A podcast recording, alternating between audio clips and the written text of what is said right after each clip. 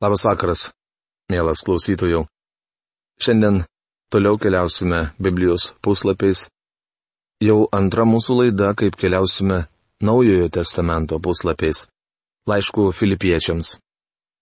Praėjusioje laidoje mes pradėjome pirmos skyriaus apžvalgą ir skyriaus tema yra krikščioniško gyvenimo filosofija. Mes su jumis apžvelgėme įžangą, tai yra pirmasias dvi šios knygos eilutes. Šiandien pratesime šio laiško apžvalgą. Bet prieš pradėdamas, noriu, kaip esame pratę, paprašyti Dievo pagalbos tam. Tėve, dėkojame tau už šią dieną. Dėkojame tau, kad mums yra atviras kelias bet kada ateiti, kreiptis į tave, galingai viską sukūrusi Dievą ir išpažinti tau, kad mes patys negalime savęs išgelbėti, ir neturime to daryti. Ir niekada neįstengsime to padaryti. Bet dėkojame tau už tai, kad tavo sunus Jėzus palikęs dangų, tapo vienu iš mūsų pasmerkė nuodėmę. Ir šiandien, būdamas tavo dešinėje aukštybėse, užtarė mus, o tu trauki mus per dvasę, kurią apgyvendinai mūsų širdyse. Apgyvendinai širdise kiekvieno, kuris tiki. Dangaus Dieve, tu esi širdžių tyrėjas ir tu pažįsti visus tuos, kas girdės tavo žodžių aiškinimą. Aš meldžiu, kad tavo žodžio dvasia įtikintų kiekvieną žmogų dėl nuodėmės. Ir kad kiekvienas galėtų padaryti laisvos valios pasirinkimą.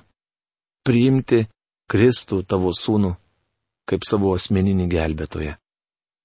Dėkojame tau šį vakarą ir prašome, kad palaimintum mus studijuojant tavo žodį. Jėzaus vardu. Amen. Pauliaus jausmai filipiečiams. Aš dėkoju savo Dievui, kai tik jūs prisimenu. Filipiečiams laiško pirmos kiriaus trečia eilutė. Pauliaus laiško pradžia labai maloni. Tai rodo, kad jį su Filipu tikinčiaisiais siejo labai artimi ir šilti santykiai. Tokie santykiai tarp tikinčiųjų turėtų būti ir šiandien, ypač tarp pastoriaus ir kitų bažnyčios narių. Išvertus pažodžiu iš eilutės skambėtų taip. Kiekviena mintis apie jūs verčia mane dėkoti Dievui. Kas kart, kai kas nors užsimindavo apie Filipus, Paulius dėkodavo Dievui už to miesto tikinčiuosius. Aš retkarčiais gaunu laiškų iš organizacijų, kurios prašo manęs kokios nors paslaugos. Žinoma, nieko blogo, kad jos kažko prašo, tačiau jų laiškai dažnai prasideda taip. Aš dėkoju Dievui, kai tik jūs prisimenu. Kartais aš abejoju, ar tie žmonės iš tiesų mane taip myli, ar tik stengiasi palengti mano širdį, kad patenkinčiau jų prašymą. Tačiau, kaip būtų nuostabu, jei tokie santykiai vyrautų bažnyčioje. Ir kaip gera būti tokiu žmogumi, apie kurį kiti nuoširdžiai galėtų pasakyti, aš dėkoju Dievui, kai tik jūs prisimenu. Jei Paulius nieko daugiau nebūtų parašęs apie savo santykius su Filipų bažnyčia, tai būtų įtikinamas įrodymas, jog jie buvo be galo šilti. Galite paskaityti kitus laiškus ir pamatysite, jog kitoms bažnyčioms jis to nerašė. Ką jau kalbėti apie Galatus ir Korintiečius. Visuomet kiekvienoje maldoje su džiaugsmu už jūs visus besimelsdamas. Filipiečiams laiško pirmos kiriaus ketvirtą eilutę. Visuomet, neretkarčiais, visuomet kiekvienoje maldoje Paulius prisimindavo Filipų tikinčiuosius. Frazė už jūs visus aiškiai rodo, kad apaštalas kreipėsi į visus tos bažnyčios šventuosius, sudarančius vietinės bažnyčios kūną. Skaitydami paskutinį šio laiško skyrių sužinosime, jog Filipų bažnyčioje tarp dviejų moterų, Sintichės ir Ebodijos, buvo kilę šiokių tokių nesutarimų. Tad Paulius iš pat pradžių pabrėžia, jog kreipiasi į visus šventuosius, kad viena grupė nesakytų kitai, jis rašo mums, o ne jums. Su džiaugsmu besimelsdamas.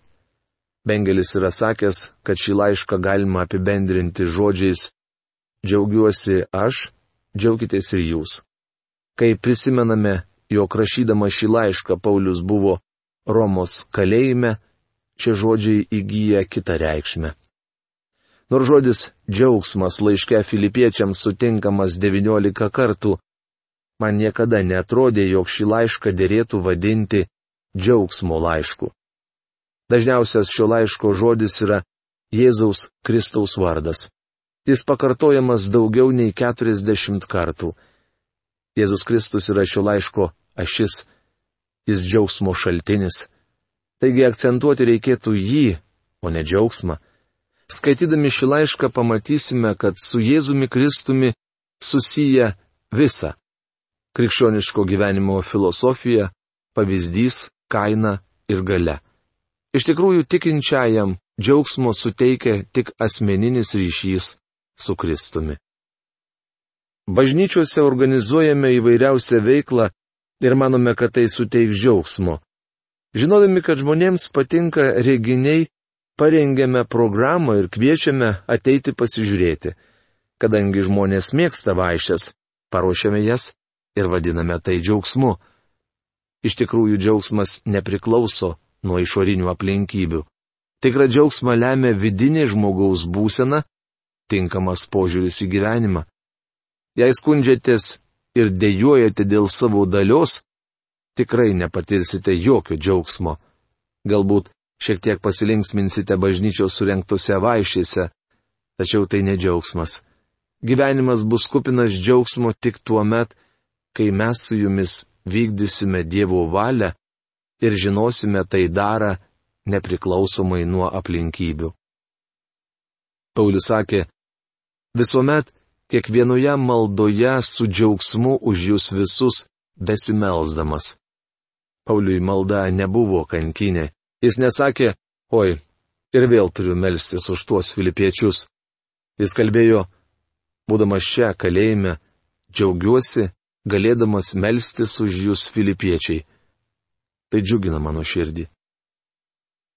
Pasakęs, kad nuolat dėkoja Dievui už filipiečius, Paulius paaiškina kodėl.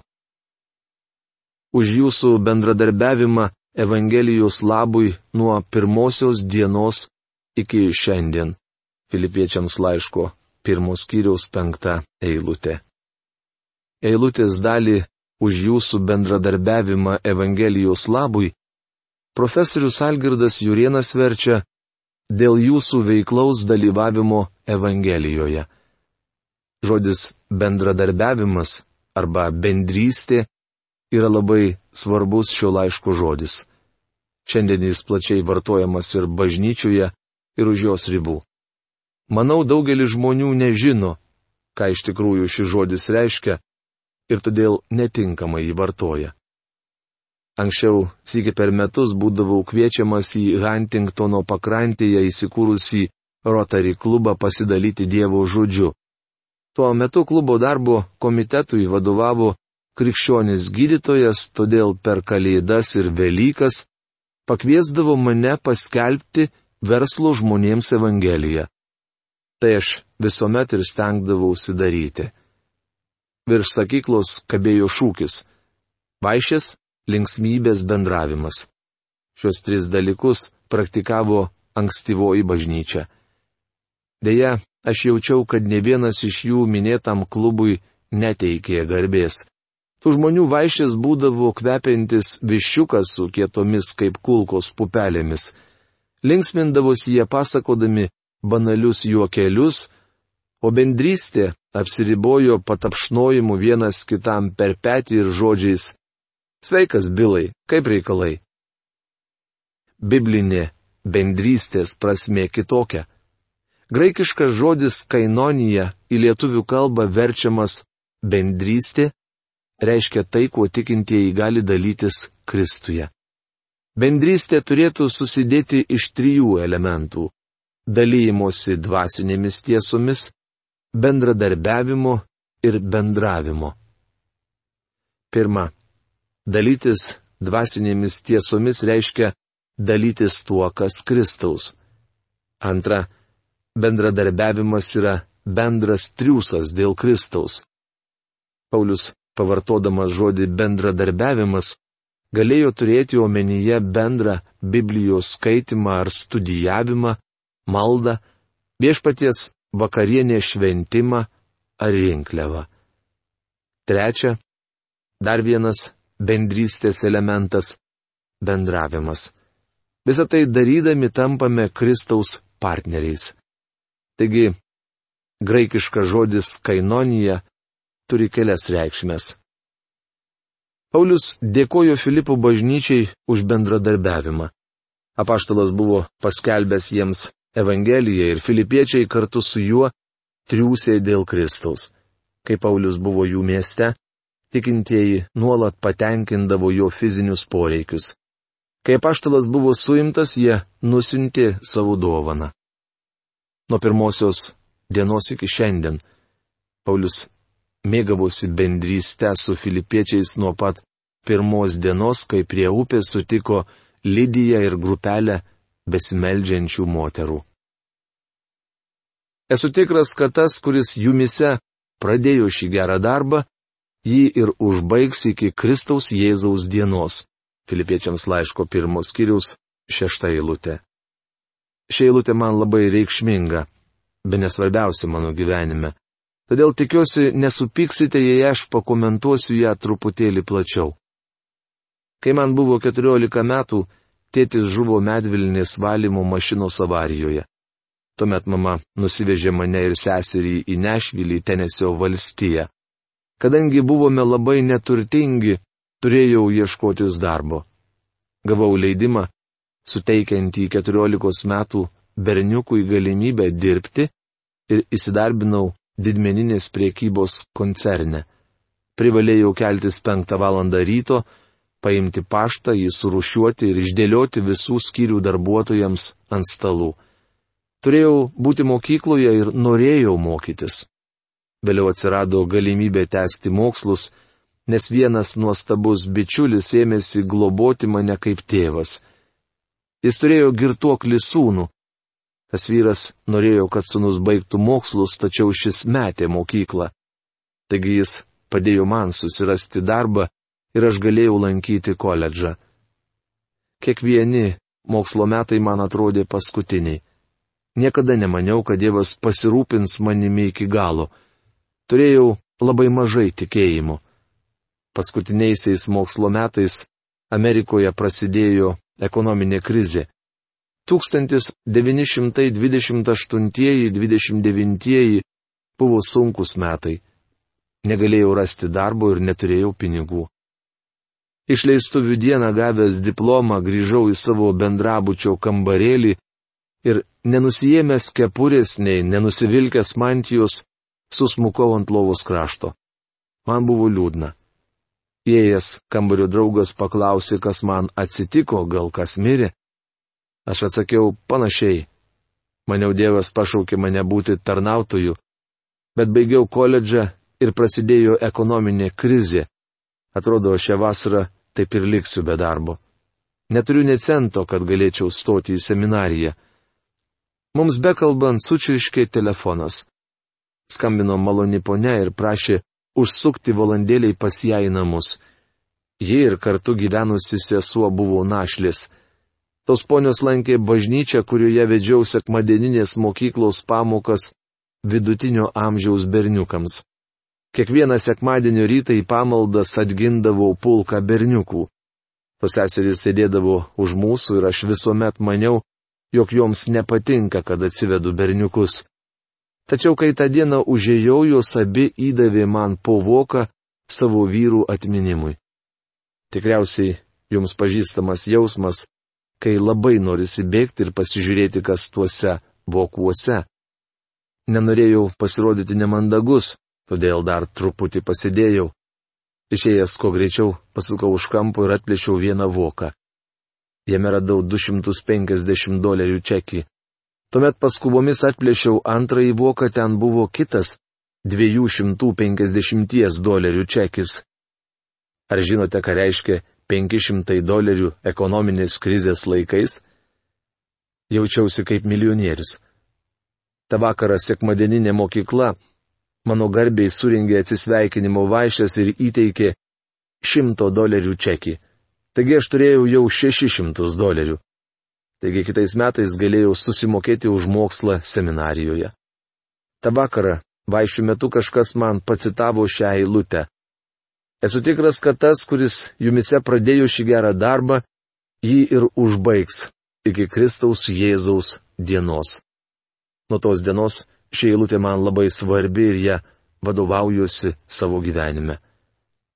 Pažvelkime į šią eilutę atidžiau. Žodžiai esu tikras reiškia priežastingumą, todėl šios eilutės pradžią galima būtų versti, kadangi esu tikras. Paulius žinojo, ką kalba. Tas, kuris pradėjo, jį ir užbaigs. Užbaigs reiškia įvykdys, jis įvykdys, ką pradėjo.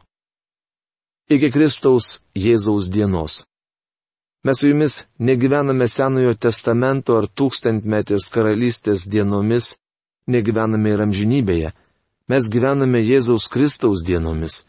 Šis laikotarpis baigsis, kai jis sugrįž pasiimti savųjų iš šio pasaulio. Šventoji dvasia yra užanspaudavusi jūs ir mane atpirkimo dienai. Jeigu žinoma yra užanspaudavusi. Paulius rašė Efezo tikintiesiems ir neliūdinkite šventosios Dievo dvasios, kurie esate paženklinti atpirkimo dienai, tai prašoma Efeziečiams laiško ketvirtos skyrius 30 eilutėje. Galite būti tikri, kad iki to laiko jis užbaigs jūsų gyvenime viską, ką yra numatęs. Jis pasirūpins jumis iki galo. Nežinau, kokios jūsų gyvenimo aplinkybės, tačiau jei esate Dievo vaikas, esu tikras, jog paliudysite, kad iki šios akimirkos Dievas jumis rūpinosi. Ar ne taip? Argi žvelgdami į prabėgusias dienas, nematote, kaip Dievas vedė jūs ir rūpinosi? Tai kodėl nerimaujate dėl rydienos? Negi galvojate, kad jis jūs apleis? Prisipažįstu, jog ir aš taip maniau, kai baigiau koledžą. Matote, aš mokiausi koledže, bet nepatyriau džiaugsmo, kokį turėjau jausti. Niekada nesidžiaugiau, nes visuomet bijojau, kad nebegalėsiu tęsti mokslų. Paprasčiausiai netikėjau, kad Dievas pasirūpins manimi iki galo. Dažnai mes tikintieji gyvename ir elgiamės kaip praktiški ateistai. Mano klasės draugams Išleistuvės buvo džiaugsminga šventė. Mačiau, kaip turtingi tėvai sveikino savo vaikus. Manęs apkabinti niekas nepriejo, tačiau net geranoriškų sveikintojų delegacija nebūtų nieko pakeitusi. Juk aš buvau tikras, jog viskas baigta. Jaučiau pašaukimą tarnauti, tačiau nebuvo jokios prošvaistės, kad galėčiau tęsti mokslus seminarijoje. Visgi aš turėjau nuostabų tėvą danguje, kuris per laiško filipiečiams pirmos skyriaus šeštą eilutę apkabino mane ir tarė, aš pasirūpinsiu tavimi iki galo. Šiandien noriu paliudyti, kad jis vis dar laikosi savo pažado. Kai mano plaučiuose gydytojai aptiko vėžį, godžiausi dangiškojų tėvo žodžiais. Esu tikras, kad tas, kuris jumise pradėjo šį gerą darbą, jį ir užbaigs iki Kristaus Jėzaus dienos. Beje, jis dar ir geras daktaras. Didysis gydytojas sakė, visą, ką esu tau paruošęs, įvykdysiu iki Kristaus Jėzaus dienos. Taigi aš jo rankose. Tai puikiai šventojo rašto eilutė. Aš laikiausi įsitvėręs jos daugelį tamsių naktų, kai šėlstanti audra mėtė mano mažą laivelį. Trokštų, kad jūs žinotumėte, kaip nuostabu turėti tokį dangišką į tėvą. Šitaip manyti apie jūs visus teisinga, nes aš turiu savo širdyje jūs, kurie tiek man esant kalėjime, tiek ginant ir stiprinant Evangeliją, visi tebesate man duotos malonės dalininkai. Filipiečiams laiško pirmos kiriaus septinta eilutė. Šitaip manyti apie jūs visus teisinga, nes aš turiu savo širdyje jūs. Tai puikiai vieta nešioti savo tikėjimo brolius ir seseris. Man duotos malonės dalininkai, ši frazė mus vėl gražina prie žodžio bendrystė. Graikų kalboje čia pavartota žodis kainonija, su jį sustiprinančiu prieždėliu su koinonaus. Šis žodis reiškia būti surištam į vieną.